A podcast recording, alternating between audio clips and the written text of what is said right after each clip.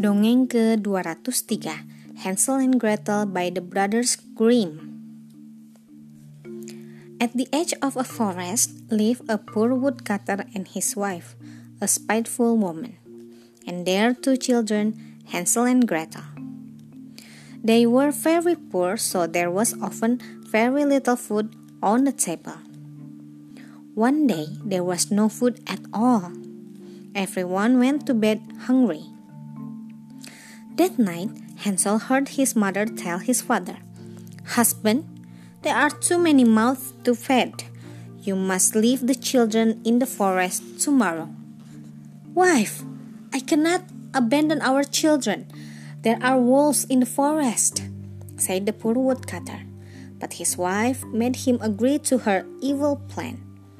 Hansel felt his heart grow icy cold, but he was a clever boy and so he slipped out of the house and filled his pockets with shiny white stones.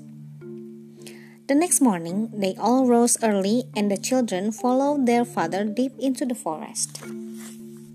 He lit them a fire and told them he was going to gather wood and would be back to collect them. He left them, tears falling down his face. The day passed slowly, Hansel kept their fire going, but when night fell, it grew very cold and they could hear all kinds of rustling under the shadowy trees. Gretel could not understand why, their father had not come back to collect them. So Hansel had to tell her that their mother had told the woodcutter to leave them there deliberately. But don't worry, Gretel, he said, I will lead us home and in the moonlight he showed her the, the line of shiny white stones that he had dropped from his pocket, one by one, as their father had led them into the forest. They were soon home, where their father greeted them with great joy, but their mother was not pleased. Some time passed, they managed to survive, with very little to eat, but another day came when Hansel heard his mother demanding that he, the woodcutter leave them in the forest again. And when Hansel went to collect some more pebbles, he found the door locked and he couldn't get out. In the morning, their father gave them each a piece of bread and led them even deeper into the forest than before. All day long, Hansel comforted Gretel and told her that this time he had left a trail of breadcrumbs to lead them safely back home. But when the moon rose and the children set off, there was not a breadcrumb to be seen. The birds had eaten every last one. There was nothing to do but to sleep and wait until the morning. The next day they walked and walked, but they saw nothing but trees, and the next day was the same. By this time they were not only cold and hungry but deeply frightened. It looked as if they would never ever be able to find a way out of the forest. But just as it was getting dark, they, they came to a clearing, and there stood a strange house.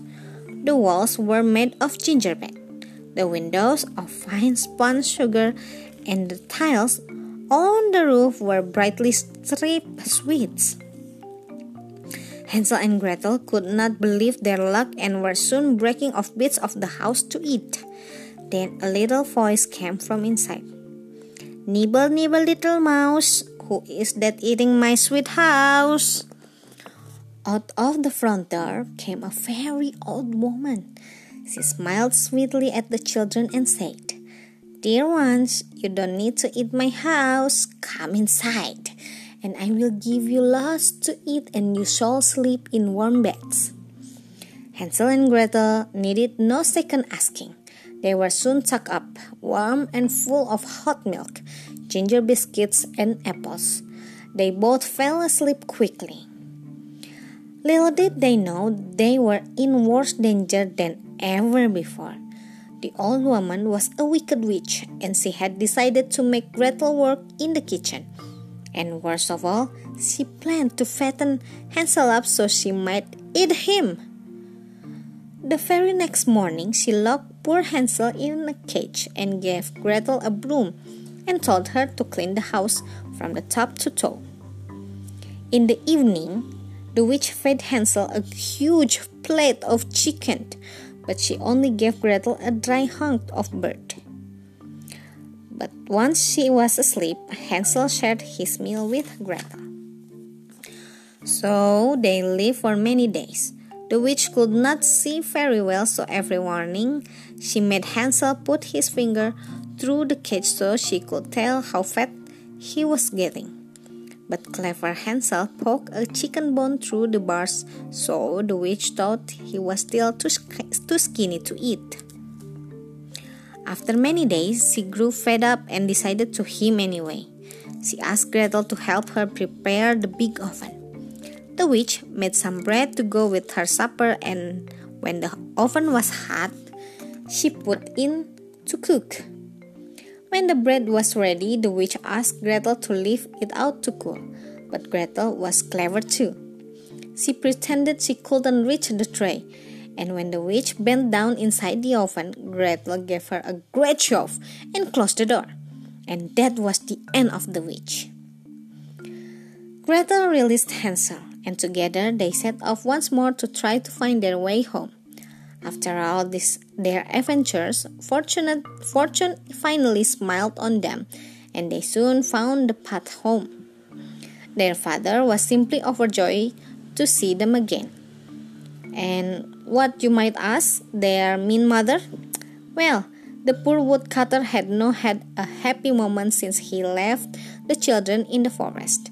He had become so miserable that she decided there was no living with him. The day before Hansel and Gretel returned, she had up stick and left. What served her right, didn't it? Sekian, terima kasih telah mendengarkan. Selamat malam.